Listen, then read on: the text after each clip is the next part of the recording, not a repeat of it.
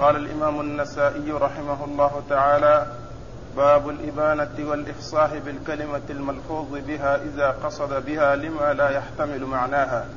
لم توجب شيئا ولم تثبت حكما ولم تثبت حكما قال أخبرنا عمران بن بكار قال حدثنا علي بن عياش قال حدثني شعيب قال حدثني أبو الزناد مما حدثه عبد الرحمن الأعرج ذكر أنه سمع أبا هريرة رضي الله عنه يحدث يحدث عن رسول الله صلى الله عليه وسلم أنه قال انظروا كيف يصرف الله عني شتم قريش ولعنهم إنهم يشتمون مذمما ويلعنون مذمما وأنا محمد.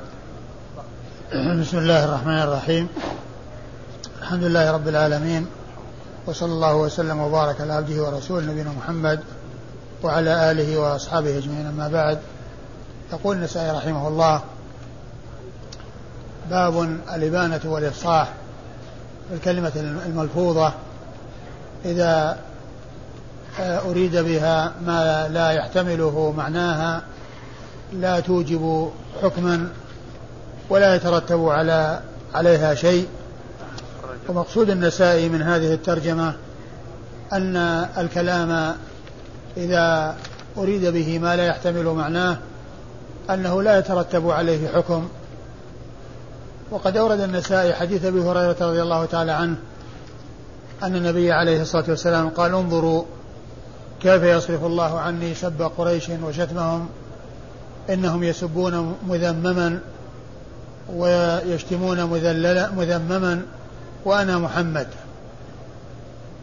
أي أن قريشا عندما يسبون النبي عليه الصلاة والسلام لا يذكرونه باسمه وإنما يذكرون ما يقابل اسمه فهو محمد عليه الصلاة والسلام آه، آه، اسما ووصفا وهم يسبون مذمما الذي هو ضد محمد وما يقابل محمد. أي أنهم لا يسبون الرسول صلى الله عليه وسلم باسمه ولكنهم يأتون بلفظ آخر ليس اسمه عليه الصلاة والسلام وإنما ما يقابل اسمه لأن اسمه محمد عليه الصلاة والسلام وعكسه مذمم لأن محمد من الحمد ومذمم من الذم فهم لا يأتون باسمه ويسبونه باسمه ويسبون محمدا وإنما يسبون مذمما. فشتمهم وسبهم إنما يقع على غير اسمه وعلى غير شخصه صلى الله عليه وسلم. و فمقصود النسائي من الترجمة هو أن أن أنه لما أورد هذا الحديث وهم إنما سبوا محمدا أي سبوا من سب سبوا ما يقابل اسمه وليس اسمه صلى الله عليه وسلم فإنه لا يقع ذلك عليه عليه الصلاة والسلام لا من حيث اللفظ ولا من حيث المعنى.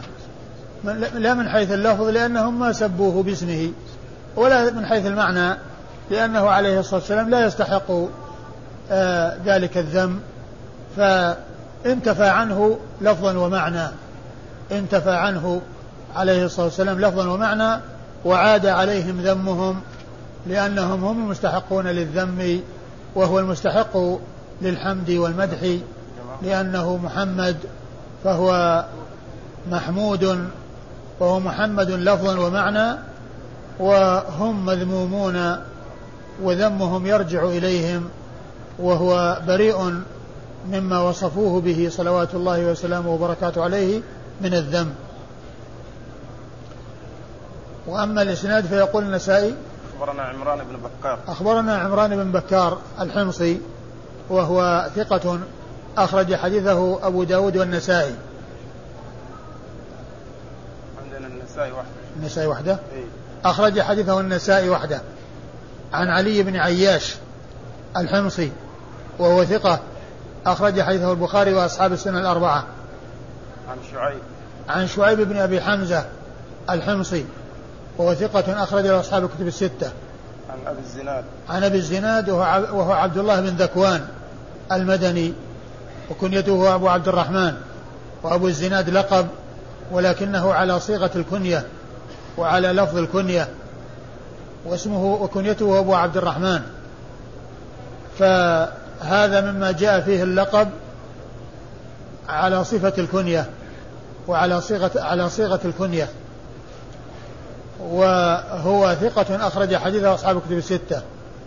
عن عبد الرحمن بن هرمز الأعرج وهو ثقة أخرج له أصحاب الكتب الستة. عن أبي هريرة رضي الله عنه صاحب رسول الله صلى الله عليه وسلم وأحد السبعة المعروفين بكثرة الحديث عن النبي صلى الله عليه وسلم بل هو أكثر السبعة حديثا وهم أبو هريرة وابن عمر وابن عباس وأبو سعيد الخدري وجابر بن عبد الله الأنصاري وجابر بن عبد الله الأنصاري وأنس بن مالك وأم المؤمنين عائشة ستة رجال وامرأة واحدة رضي الله تعالى عنهم وعن الصحابة أجمعين وأبو هريرة رضي الله عنه هو أكثر السبعة حديثا رضي الله تعالى عنه وأرضاه. قال باب التوقيت في الخيار. وقال أخبرنا يونس بن عبد الاعلى قال حدثنا ابن وهب قال أنبأنا يونس بن يزيد وموسى بن علي عن ابن شهاب قال أخبرني أبو سلمة بن عبد الرحمن أن عائشة زوج النبي صلى الله عليه وسلم قالت لما أمر رسول الله صلى الله عليه وسلم بتخيير أزواجه بدأ بي فقال إني ذاكر لك أمرا فلا عليك أن تعجلي حتى تستأمري أبويك. قالت قد علم أن أبواي لم يكونا ليأمراني بفراقه. قالت ثم تلا هذه الآية. يا أيها النبي قل لأزواجك إن كنتن تردن الحياة الدنيا إلى قوله جميلا. فقلت أفي هذا أستأمر أبوي؟ فإني أريد الله عز وجل ورسوله والدار الآخرة. قالت عائشة ثم فعل أزواج النبي صلى الله عليه وسلم مثل ما فعلت ولم يكن ذلك حين قال لهن رسول الله صلى الله عليه وسلم واخترنه طلاقا من أجل أنهن اخترنه. ثم ورد النسائي هذه الترجمة هي التوقيت في الخيار. يعني آه، عندما يحصل التخيير للزوجة بين البقاء والفراق يمكن أن يكون مؤقتا وأن يكون له وقت وأن يكون هناك مهلة.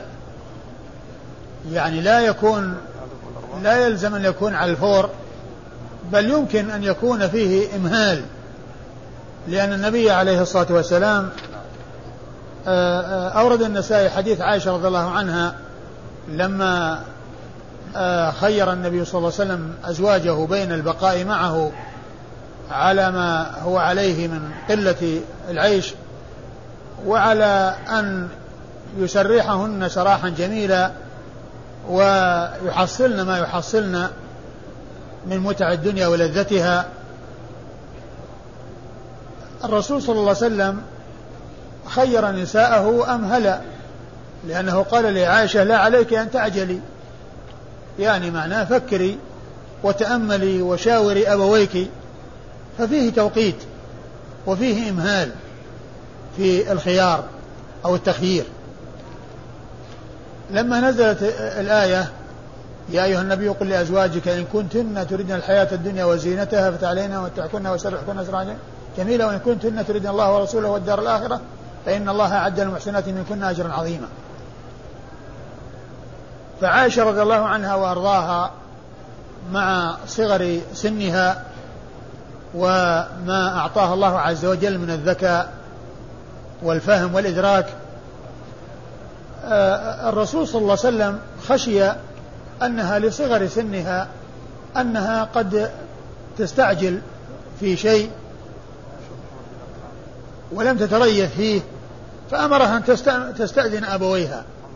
ولكنها رضي الله تعالى عنها وأرضاها كانت آه،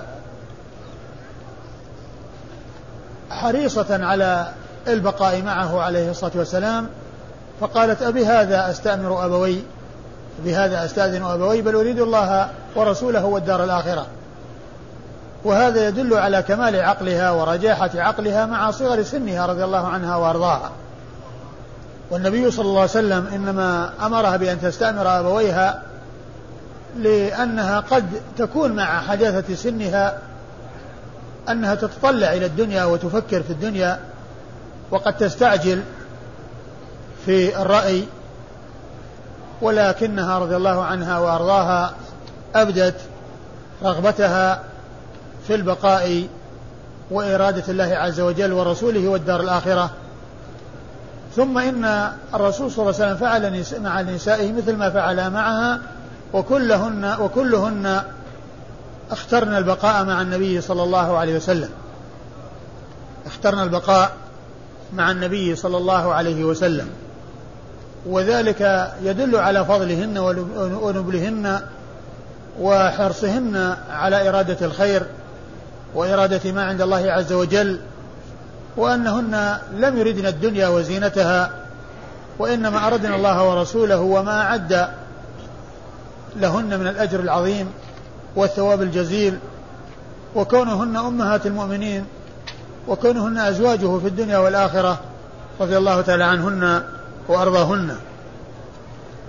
ولما خيرهن واخترنه لم يكن ذلك طلاقا لم يكن ذلك طلاقا لأنه صلى الله عليه وسلم خيرهن بين أن آه، بين أن يبقين أو أن يخترن الفراق فيسرحهن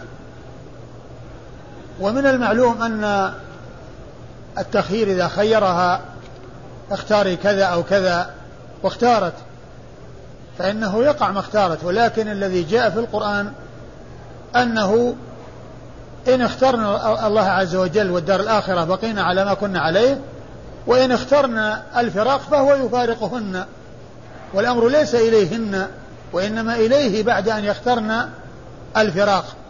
ولهذا قال وإن كنتن تريدن إن كنتن تريدن الدنيا وزينتها فتعالينا. ما قال آه، اخترنا وأمركن بيدكن بيدكن وإنما قال فتعالين أمتعكن وأسرحكن سراحا جميلا. فتعالين أمتعكن وأسرحكن سراحا جميلا. فمجرد التخيير والاختيار للبقاء لا يكون طلاقا ولا يعتبر طلاقا لأن الزوجية باقية على ما هي عليه. الزوجية هي باقية على ما هي عليه فلم يعد ذلك التخيير طلاقا ولم يقع الطلاق بل حصل اختيار البقاء وبقينا على ما كنا عليه رضي الله تعالى عنهن وأرضاهن وهذا يدل على فضلهن ونبلهن رضي الله تعالى عنهن وأرضاهن. والحديث سبق أن مر في أول كتاب النكاح. نعم. قال أخبرنا يونس بن عبد الأعلى. أخبرنا يونس بن عبد الأعلى المصري الصدفي وهو ثقة أخرج حديث مسلم والنسائي وابن ماجه. قال حدثنا ابن وهب. قال حدثنا ابن وهب عبد الله بن وهب المصري ثقة فقيه أخرج حديثه أصحاب الكتب الستة. عن يونس. عن يونس. وموسى بن علي. عن إيش؟ عن يونس وموسى بن علي. عن يونس بن يزيد الأيلي ثم المصري وهو ثقة أخرج حديثه أصحاب الكتب الستة. وموسى بن علي المصري وهو ثقة أخرج له البخاري في الأدب ومسلم وأصحاب السنن. البخاري في الأدب المفرد ومسلم وأصحاب السنن الأربعة. لكنه صدوق. ها؟ صدوق ربما أخطأ. صدوق؟ أي. وهو صدوق ربما أخطأ. أخرج حديثه البخاري في الأدب المفرد ومسلم وأصحاب السنن الأربعة. عن ابن شهاب. عن ابن شهاب وهو محمد بن مسلم بن عبد الله بن شهاب الزهري. ثقة فقيه مكثر من الحديث. وحديثه أخرجه أصحاب الكتب الستة. عن أبي سلمة بن عبد الرحمن. عن أبي سلمة بن عبد الرحمن بن عوف. آه ثقة فقيه من فقهاء المدينة السبعة على أحد الأقوال الثلاثة في السابع منهم وحديثه أخرجه أصحاب الكتب الستة. عن عائشة رضي الله تعالى عنها أم المؤمنين الصديقة بنت الصديق وأكثر الصحابيات آه، رواية لحديث رسول الله صلى الله عليه وسلم ورضي الله تعالى عنهن وأرضاهن. قال أخبرنا محمد بن عبد الأعلى قال حدثنا محمد بن الثور عن معمر عن الزهري عن عروة عن عائشة رضي الله عنها أنها قالت لما نزلت إن كنتن تردن الله ورسوله دخل علي النبي صلى الله عليه وسلم بدأ بي فقال يا عائشة إني ذاكر لك أمرا فلا عليك أن تعجلي حتى تستأمري أبويك. قالت قد علم والله أن أبوي لم يكونا ليأمراني بفراقه فقرأ علي يا أيها النبي قل لأزواجك إن كنتن تردن الحياة الدنيا وزينتها. فقلت أفي هذا أستأمر أبوي؟ فإني أريد الله ورسوله. قال أبو عبد الرحمن هذا خطأ. والأول أولى بالصواب والله سبحانه وتعالى أعلم. ثم ورد النسائي حديث عائشة رضي الله عنها من طريق أخرى وهو مثل الذي قبله. يعني في قضية آه أنه بعد نزول الآية في التخيير بدأ بها رسول الله صلى الله عليه وسلم وطلب منها التريث وعدم التعجل وأنها تستأذن أبويها وأنها وقالت إنها قال إنه قد علم أن أبوي لا يأمرني بفراقه. وقالت أبي هذا أستأمر أبوي. مثل هذا لا أتردد فيه ولا أختار سوى البقاء مع رسول الله صلى الله عليه وسلم. فاختارت البقاء مع الرسول صلى الله عليه وسلم وكذلك أمهات المؤمنين سرنا على ما سارت عليه عائشة رضي الله تعالى عنها وأرضاها واخترنا البقاء على قلة الدنيا وعلى الشظف في العيش وعدم التوسع في المآكل والمشارب رغبة فيما عند الله عز وجل والدار الآخرة وبقاء آه، في عصمة الرسول صلى الله عليه وسلم وأن يكن أمهات المؤمنين وأن يكن أزواجه في الدنيا والآخرة رضي الله تعالى عنهن وأرضاهن. والإسناد؟ أخبرنا محمد بن عبد الأعلى. أخبرنا محمد بن عبد الأعلى وهو ثقة أخرج حديثه مسلم وأبو داود في القدر والترمذي والنسائي وابن ماجه. حدثنا محمد بن ثور. عن محمد بن ثور وهو ثقة أخرج حديثه أبو داود والنسائي. عن معمر. عن معمر بن راشد الأزدي البصري ثم اليماني وهو ثقة أخرج له أصحاب الكتب الستة. عن الزهري عن عروة عن عائشة.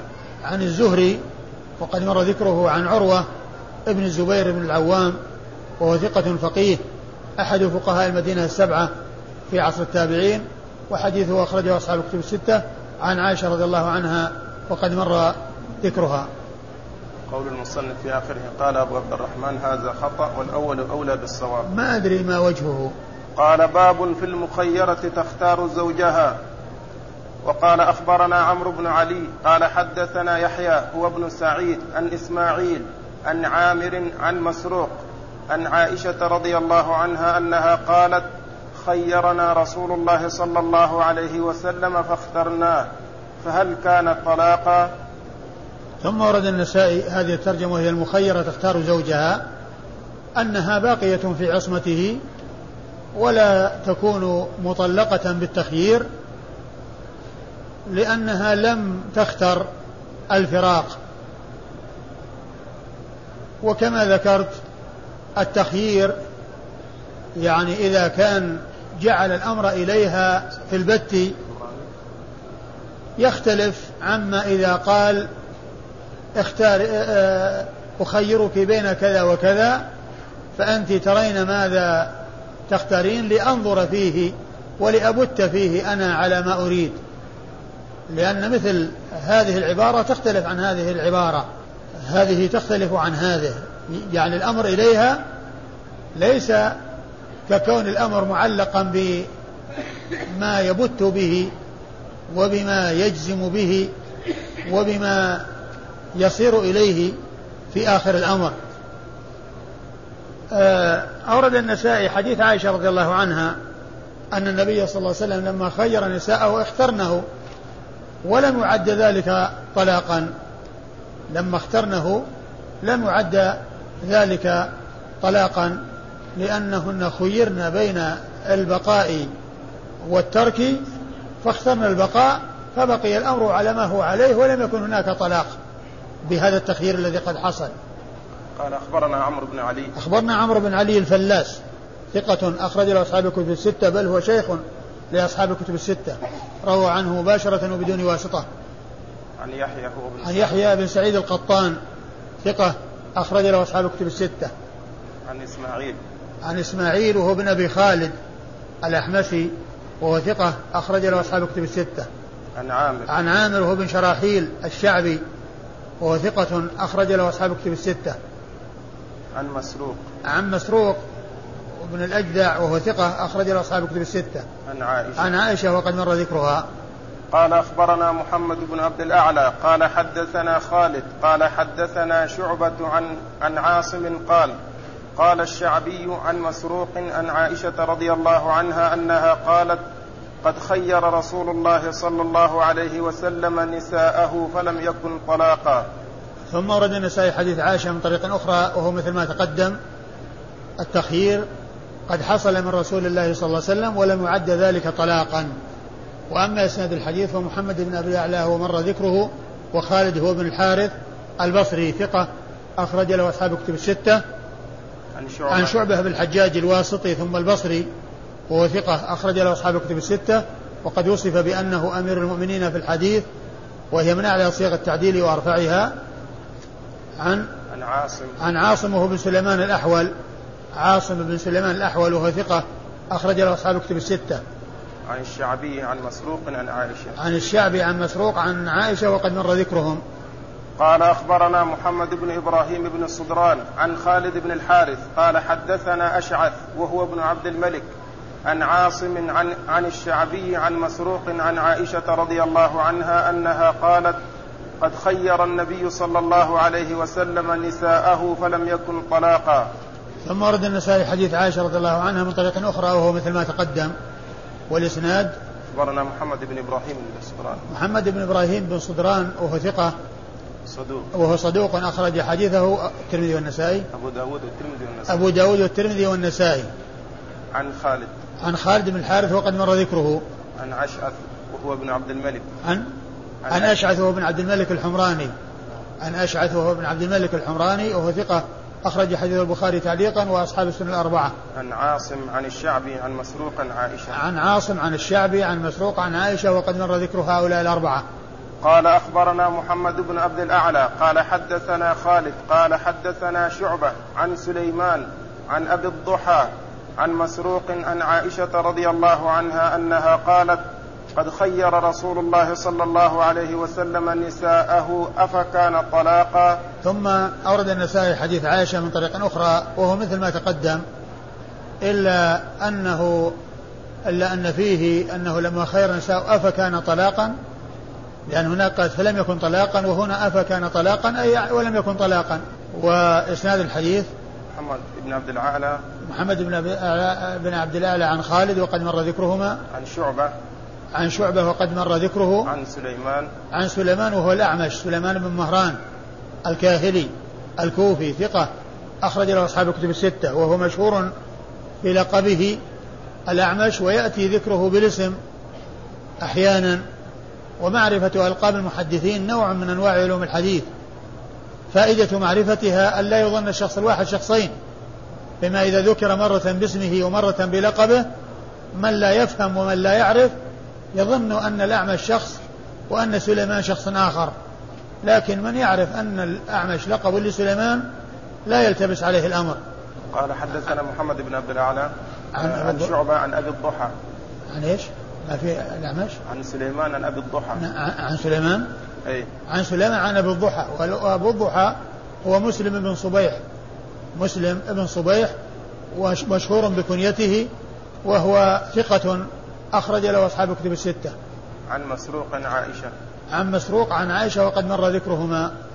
قال أخبرني عبد الله بن محمد الضعيف قال حدثنا أبو معاوية قال حدثنا الأعمش عن مسلم عن مسروق عن عائشة رضي الله عنها أنها قالت خيرنا رسول الله صلى الله عليه وسلم فاخترناه فلم يعدها علينا شيئا ثم ورد النسائي حديث عائشة رضي الله عنها من طريق أخرى وهو مثل ما تقدم يعني خير الرسول نساءه فاخترنه ولم يعده شيئا. يعني ما عد ما ما عد ذلك طلاقا بل بقينا في عصمته صلى الله عليه وسلم. وأما إسناد الحديث فيقول النسائي أخبرنا عبد الله بن محمد. أخبرنا عبد الله بن محمد الضعيف وهو الطرسوسي وهو ثقة. أخرج حديثه أبو داود النسائي. أي نعم. أبو داود والنسائي والضعيف هذا لقب لقب به وهو ليس على ما يتبادر إلى الذهن من لفظ الضعيف وإنما قيل له الضعيف لكثرة عبادته أو لنحول جسمه أو لنحول جسمه. قيل له الضعيف يعني لذلك أو قيل لإتقانه. وضبطه ويكون هذا من قبيل ما يقال للديغ سليم. ما يقال للديغ سليم لأنه مقابل للشيء الذي أطلق عليه. فكلمة ضعيف لا يراد بها الضعف في الحديث والضعف في الرواية بل هو قوي وثقة. ولكن هذه آه يعني آه نسبة أو وصف في غير ما يتبادر للذهن. لأن يتبادر للذهن أنه ضعيف. لكن الواقع أنه ثقة. وقيل له الضعيف إما لنحول جسمه وضعف بدنه أو لقوة إتقانه وضبطه ويكون من قبيل ذكر الشيء بضده كما يقال للذيغ سليم. تفاؤلا بالسلامة وأنه لا يضره ما حصل له من اللدغ وهو ثقة أخرج حديثه قلنا أبو داود. أبو داود والنسائي. أبو داود والنسائي. عن؟ عن عن أبي معاوية. عن أبي معاوية محمد بن خازم الضرير الكوفي ثقة. أخرج له أصحاب الكتب الستة. وهو مشهور بكنيته أبو معاوية. عن؟ عن الأعمش عن عن مسلم عن مسروق عن عن الأعمش عن مسلم. ومسلم هو أبو الضحى. جاء في إسناد بلقب بكنيته وجاء في إسناد آخر باسمه. ومعرفة كنى أصحاب الأسماء نوع من أنواع علوم الحديث وفائدتها لا يظن الشخص الواحد شخصين.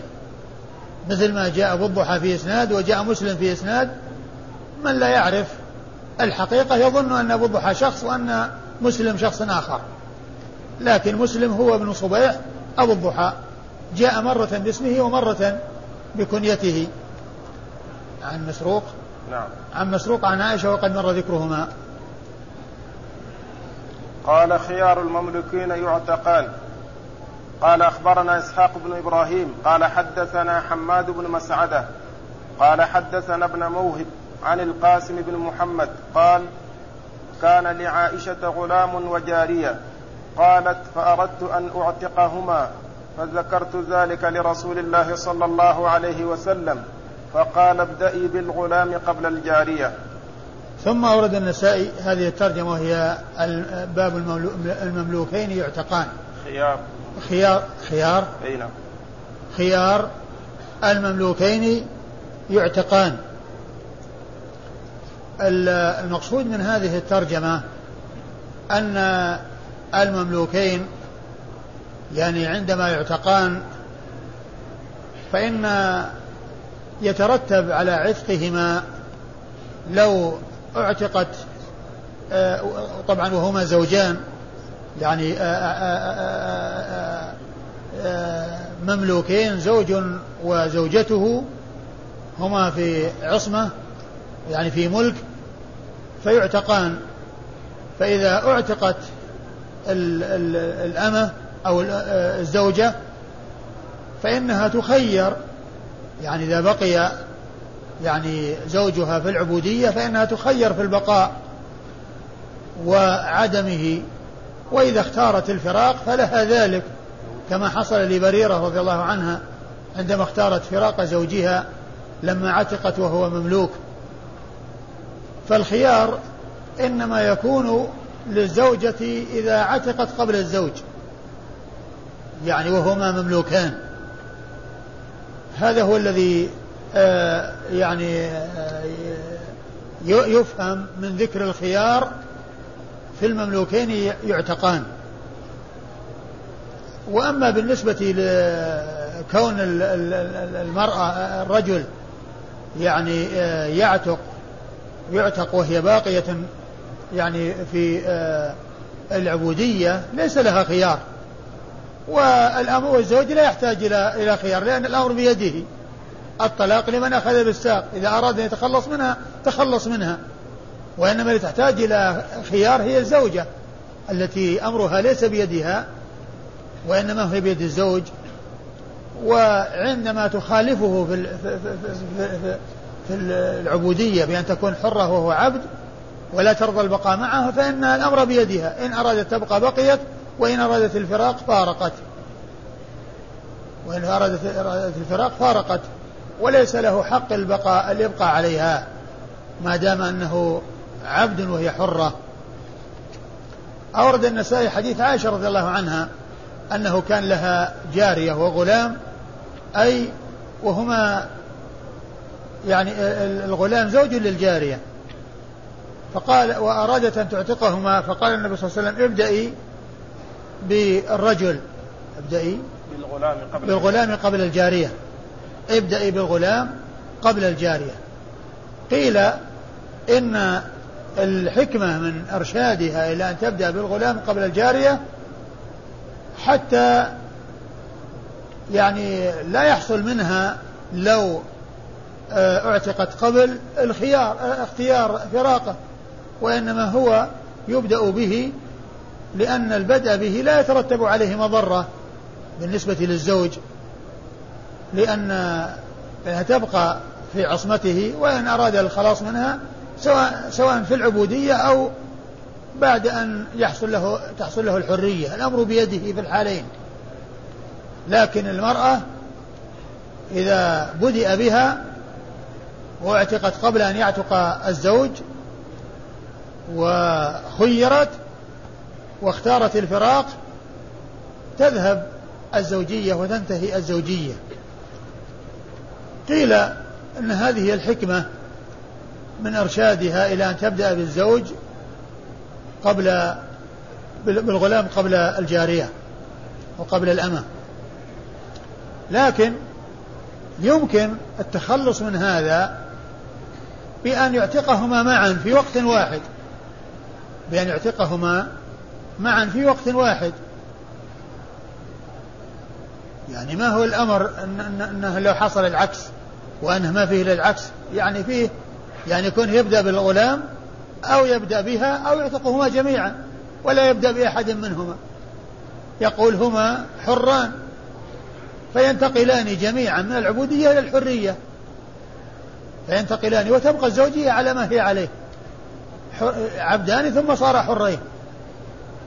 لكن الخيار والشيء الذي يترتب عليه يعني آه، الفرقة هو كونها تعتق قبله ثم تخير فتختار الفراق.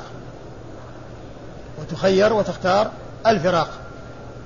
هذا هو معنى هذا الحديث. والإسناد؟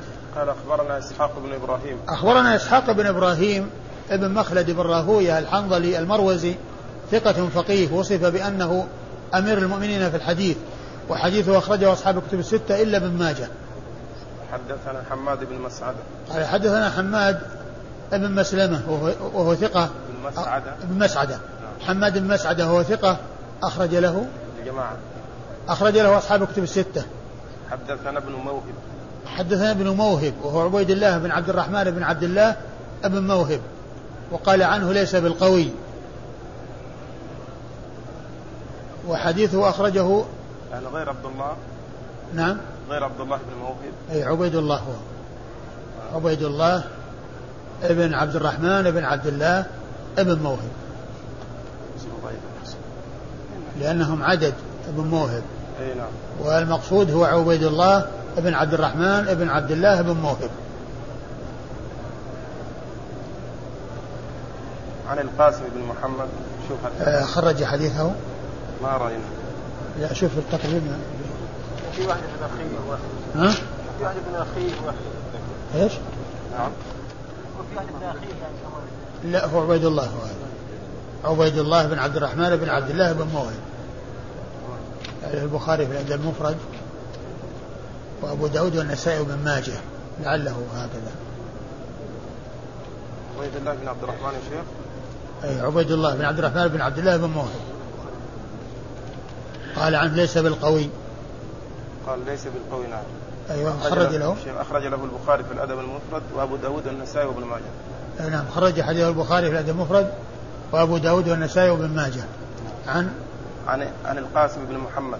عن القاسم بن محمد بن أبي بكر الصديق وهو أحد فقهاء وهو ثقة أحد فقهاء المدينة السبعة في عصر التابعين وحديثه أخرجه أصحاب الكتب الستة. عن عائشة.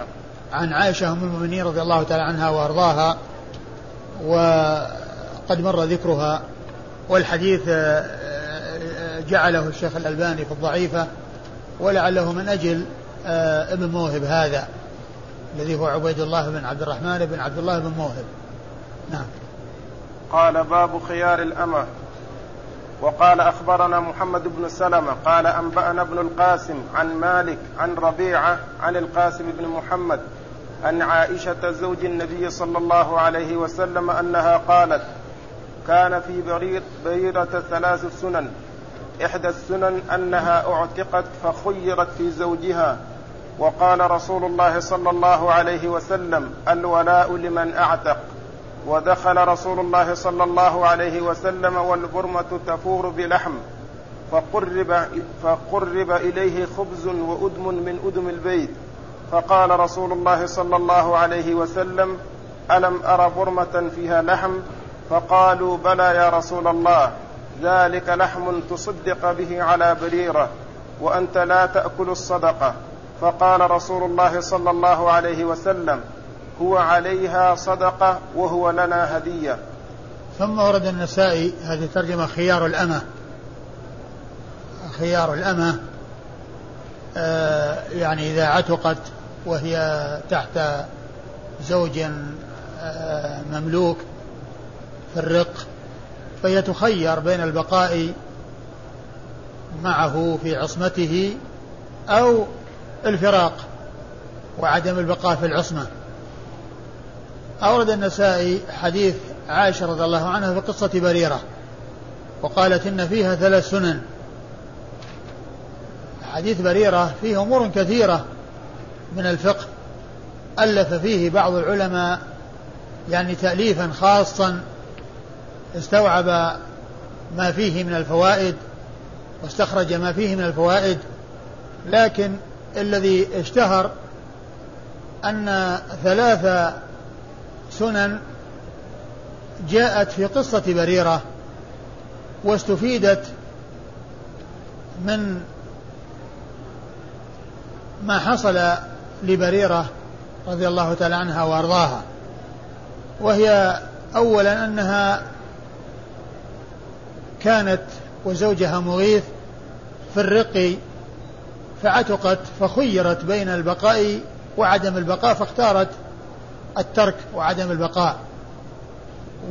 وقول النبي صلى الله عليه وسلم الولاء لمن اعتق.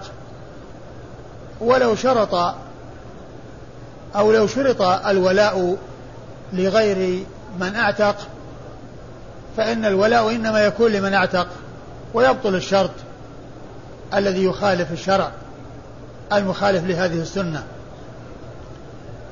وأيضا السنة الثالثة أنها تصدق عليها بلحم وأهدته للنبي صلى الله عليه وسلم. فالنبي صلى الله عليه وسلم أخبر بأنه لها صدقة ولهم هدية.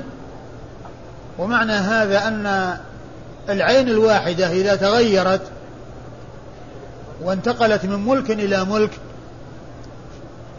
فإنه يتغير وضعها لأنها أعطيت ل ل آه، قدمت لبريرة على أنها صدقة ولكنها لما ملكتها تتصرف فيها ما يتصرف الملاك في أملاكهم فلها أن تبيع. ومن باعت عليه خرج من كونه صدقة. ما يبقى صدقة وقد بيع.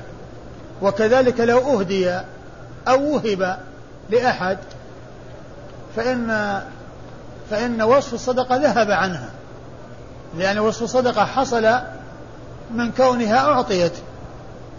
لكن كونها تتصرف بأن تقدم طعام تطبخ وتعطي للناس طعام أو تهدي للناس أو تبيع من هذا الذي تصدق عليها هذا ملكها.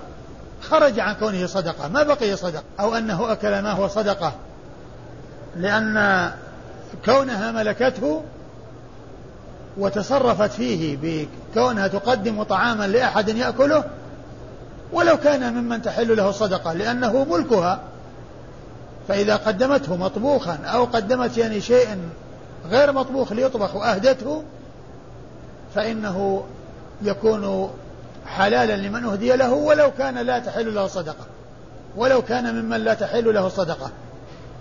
لأن العين الواحدة تغير وضعها من من ملك إلى ملك. فهي قبل يعني لما قدمت لبريرة هي صدقة والذي قدمها متصدق. ولكن بريرة لما ملكتها وأعطتها لمن تريد صار هدية. فخرج عن كونه صدقة. ما بقي صدقة ولم يستمر صدقة. لأن الصدقة إنما هي في انتقالها من المتصدق إلى المتصدق عليه. وبعد أن ملكها المتصدق المتصدق عليه فسواء طبخها وقدمها لأحد يأكل ولو كان فيهم من لا تحل له صدقة فهو ليس بصدقة منها على من قدم له وكذلك من إذا أهدي أو وهب أو بيع فإنه يخرج عن كونه صدقة. هذه ثلاث سنن استفيدت وكان سببها أو معرفة هذه السنن سببها ما حصل لبريرة رضي الله تعالى عنها وأرضاها في قصة مكاتبتها وأنه حصل بعد عتقها حصل قبل عتقها وبعد عتقها هذه السنن الثلاث التي جاءت مبينة في حديث عائشة رضي الله عنها وأرضاها. نعم. قال أخبرنا محمد بن سلمة. أخبرنا محمد بن سلمة المرادي المصري وهو ثقة أخرج حديثه مسلم وأبو داود والنسائي وابن ماجه. أبو مسلم وأبو داود والنسائي وابن ماجه. قال أنبأنا ابن القاسم. قال أخبرنا أنبأنا ابن القاسم وهو عبد الرحمن بن القاسم صاحب الإمام مالك. ثقة أخرج ثقة أخرج حديث البخاري وأبو داود في المراسيل والنسائي. عن مالك. عن مالك بن أنس إمام دار الهجرة محدث فقيه وإمام مشهور أخرج حديث أصحاب الكتب الستة. عن ربيعة. عن ربيعة بن أبي عبد الرحمن. وهو ثقة أخرج حديث أصحاب الكتب الستة. عن القاسم بن محمد عن عائشة. عن القاسم بن محمد عن عائشة وقد مر ذكرهما. قال أخبرني محمد بن آدم. قال حدثنا أبو معاوية عن هشام عن عبد الرحمن بن القاسم عن أبيه عن عائشة رضي الله عنها أنها قالت كان في بريرة ثلاث قضيات أراد أهلها أن يبيعوها ويشترطوا الولاء. فذكرت ذلك للنبي صلى الله عليه وسلم فقال اشتريها وأعتقيها فإنما الولاء لمن أعتق. وأعتقت فخيرها رسول الله صلى الله عليه وسلم فاختارت نفسها. وكان وكان يتصدق عليها فتهدي لنا منه. فذكرت ذلك للنبي صلى الله عليه وسلم فقال كلوه فإنما فإنه عليها صدقة وهو لنا هدية. ثم ورد النسائي حديث عائشة من طريق أخرى وهو مثل الذي قبله. وقصة بريرة رضي الله عنها أنها كانت عند آه عند جماعة وأنهم كاتبوها يعني اتفقوا معها على أن تحضر لهم مبلغ من المال ومنجم وإذا أحضرته فإنها تعتق. ويكون الولاء لهم لأنهم هم الذين يعتقون بعد أن يقدم لهم المال.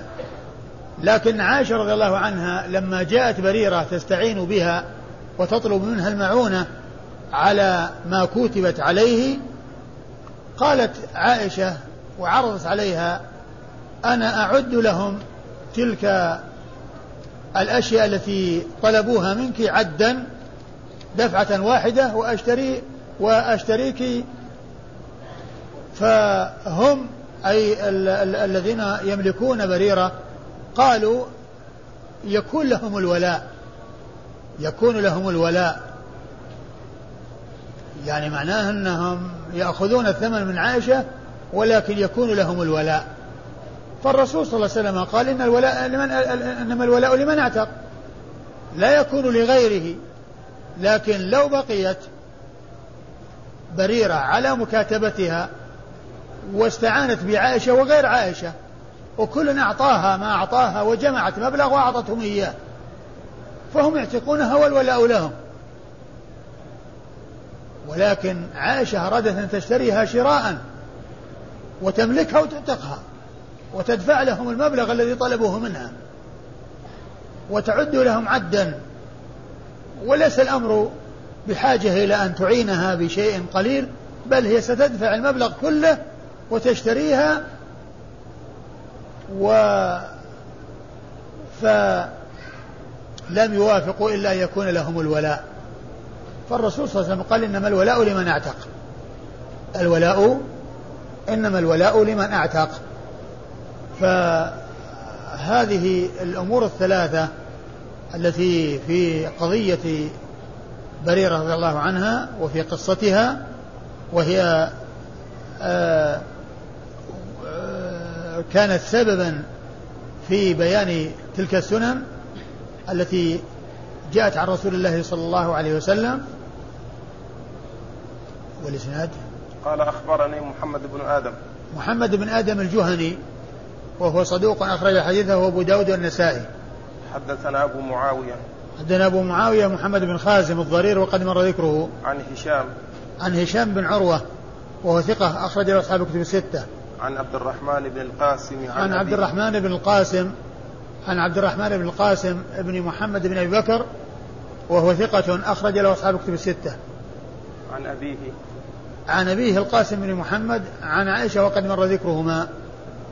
قال باب خيار الأمة تعتق وزوجها حر.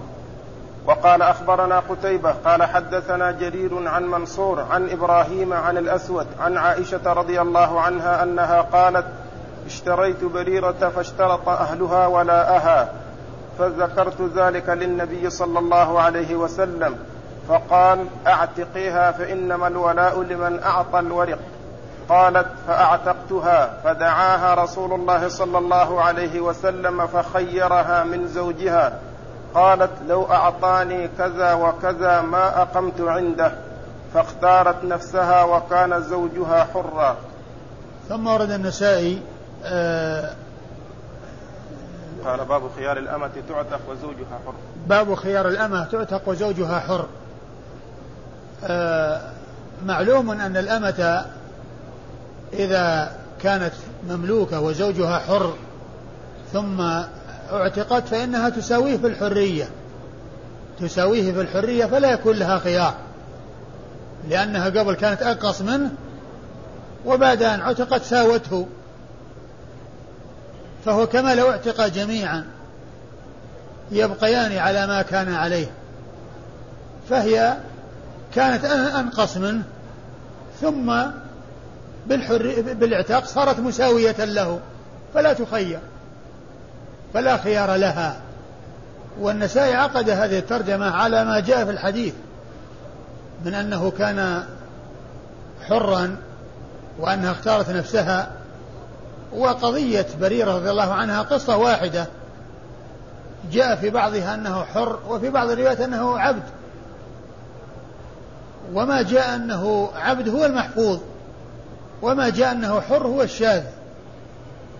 والشاذ هو ما وجدت فيه المخالفة للثقة لمن هو أوثق منه.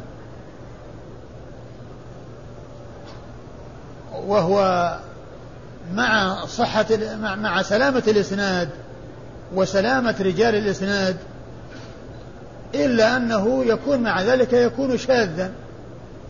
فلا يعتبر وإنما إنما الذي يعتبر المحفوظ اللي هو مقابل الشاذ. والمحفوظ هو كونه عبد وهو الذي يناسب التخيير.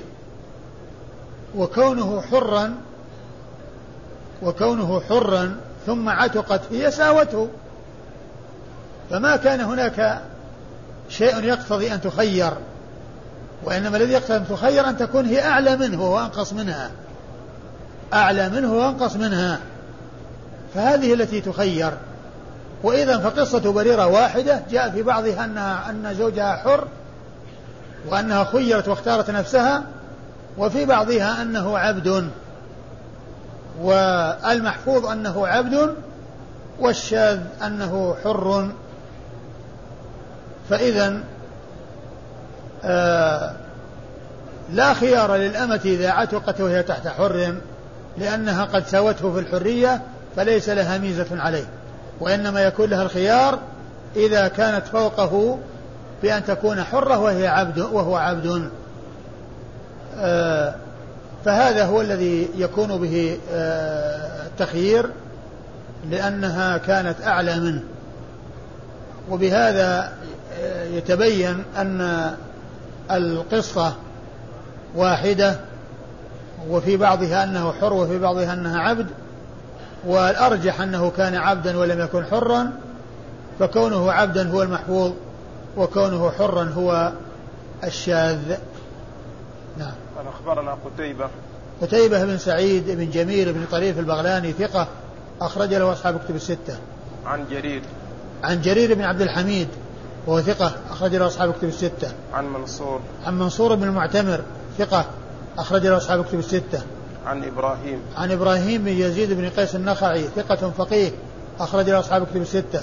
عن الأسود. عن خاله الأسود بن يزيد بن قيس النخعي وهو ثقة أخرج له أصحاب كتب الستة. عن عائشة. عن عائشة وقد مر ذكرها.